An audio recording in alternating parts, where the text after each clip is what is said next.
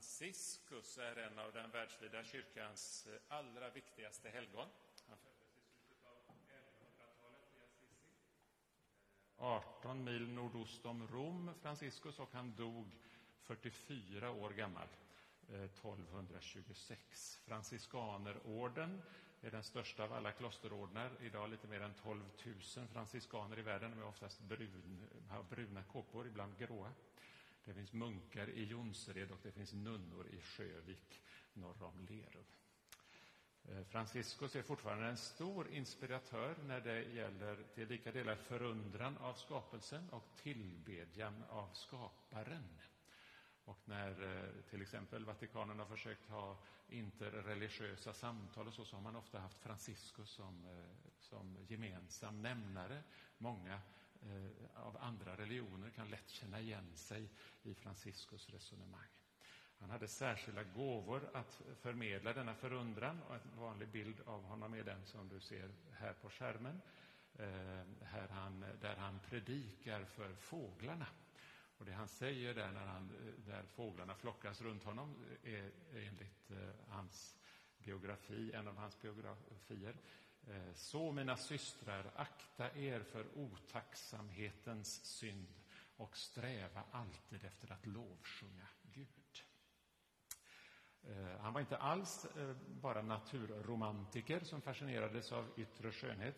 Hans förundran inför skapelsen låg betydligt djupare än så och inte minst under svåra, han plågades egentligen hela sitt liv av svåra sjukdomar och plågor, så blev han, just då blev han tröstad av Eh, Guds, att se Guds verk i skapelsen och kunna tacka upphovsmannen, all skönhets källa. Eh, hans viktigaste skrivna verk om detta är Solsängen, Solsången. Förlåt. Han låg i dödsbädden på sängen, men han Solsången. Han låg svårt sjuk hade bara några dagar kvar att leva och skrev då detta mäktiga, märkliga verk. Eh, då hade det väl varit rimligare och, eh, i klagorna där att skriva en klagosång, kan man tänka. Men när han skriver detta mäktiga verk så, eh, så, så är det verkligen från djupet, från där det var som tyngst och som sorgligast. Och där bara det sprudlar fram av lovsång över skapelsen och över skaparen. Eh, den finns, den där eh, solsången finns i Svenska psalmboken och det är så många verser så den hinner man aldrig sjunga för den, eh, det hinns inte med i en vanlig gudstjänst. Men idag tänkte jag låta Franciscus predika så jag ska bara säga lite grann om de här verserna och sen sjunger vi tillsammans. Texten kommer på skärmen och tycker du att det syns lite dåligt där bakom Gaia så, så kan det vara så att man kan slå upp psalmboken nummer 23 och ha den framför sig. Franciscus får predika och vi ska sjunga oss igenom hela salmen. Eh, eh, och det här är alltså skrivet i början på 1200-talet. Det är mästerligt översatt och tolkat av Olof Hartman, en av eh, Sveriges absolut största psalmdiktare genom alla tider. Direktor på Sigtuna stiftelsen och så, som ni vet. Han har översatt och skrivit in Eh, Franciscus solsång i den engelska melodin som eh, hör hit. Och så småningom lär vi oss också hur den slutar. Det är en lång ton, den näst sista, som ni minns, som har sett Mr Bean tolka den här salmen. Men vi ska sjunga nu vers 1 och 2. Eh, här riktar vi, om du tittar på texten där, så riktar vi vår lovsång till Gud själv som skapare av solen och månen. Och genom hela solsången är det nu dubbeltydigt, och det skulle jag vilja att du har med dig hela tiden när vi sjunger. Det är dubbeltydigt vem det är som lovsjunger. Självklart är det du och jag, alltså människan. Eh, men det går faktiskt att översätta den italienska texten så att solen och månen och vinden och stjärnorna också lovsjunger. Den översättningen är lika rätt. Och säkert är det eh, av Franciscus en medveten dubbelhet. Allt lovsjunger. När vi sjunger här i kyrkan Eh, när vi går i naturen och sjunger en lovsång så stämmer vi in i den mäktiga, eviga lovsången som solen och månen och alla stjärnor och hela universum har hållit på med sedan eh, universums och Vintergatans skapelse. Det är så att tiden blir oväsentlig. Lovsången dånar genom tidsrymderna. Vi sjunger med i denna väldiga universella kör. Och vi sjunger vers 1 och 2.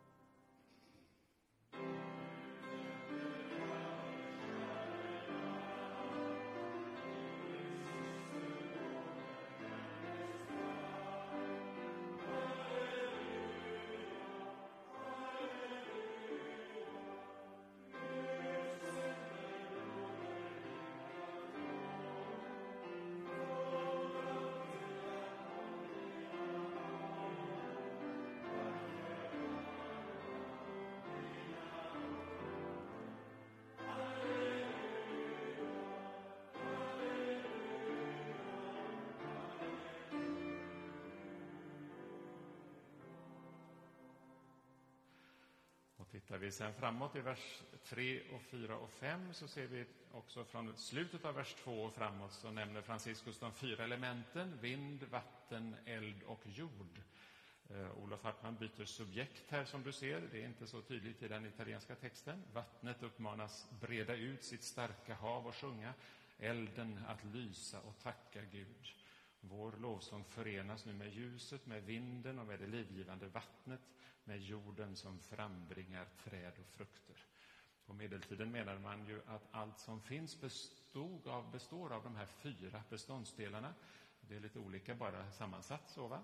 Eh, här betyder det ju att allt i skapelsen, allt som finns, vi skulle säga varje molekyl, varje atom är med och lovsjunger och tackar skapelsen. Allt sjunger till skaparens ära.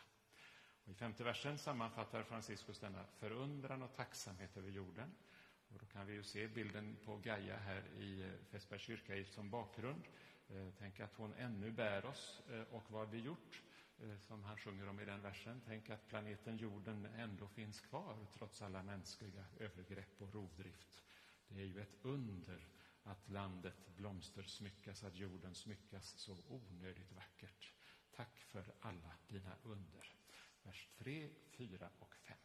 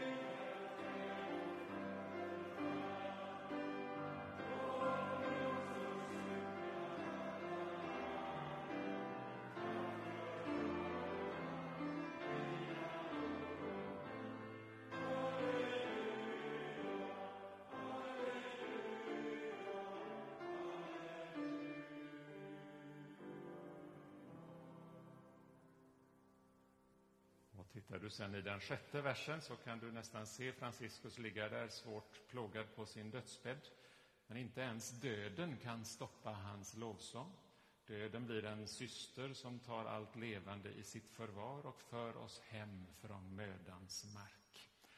Efter Jesu uppståndelse från de döda har döden blivit en lydig tjänare, en avväpnad kraft som förvisso kan skada oss och slå sönder relationer här på jorden men inför evigheten har döden mist sin udd. Jesus har besegrat döden och med Jesus kan vi se döden som en syster som befriar från dödlig sjukdom och för oss hem till Gud. Jag vet inte om du har tänkt på det, men hittills har, ju vi sjungit hur Franciscus har gett både eh, jord och eld och vind och vatten och sol och måne Eh, eh, namn som syskon. Att det, är vår syster och vår broder och vår broder och vår syster. Eh, och det blir som en, alltså en, vi är en del av familjen som Gud har skapat. Hela skapelsen är denna familj. Och till och med döden är alltså vår syster död. Vi sjunger den sjätte versen.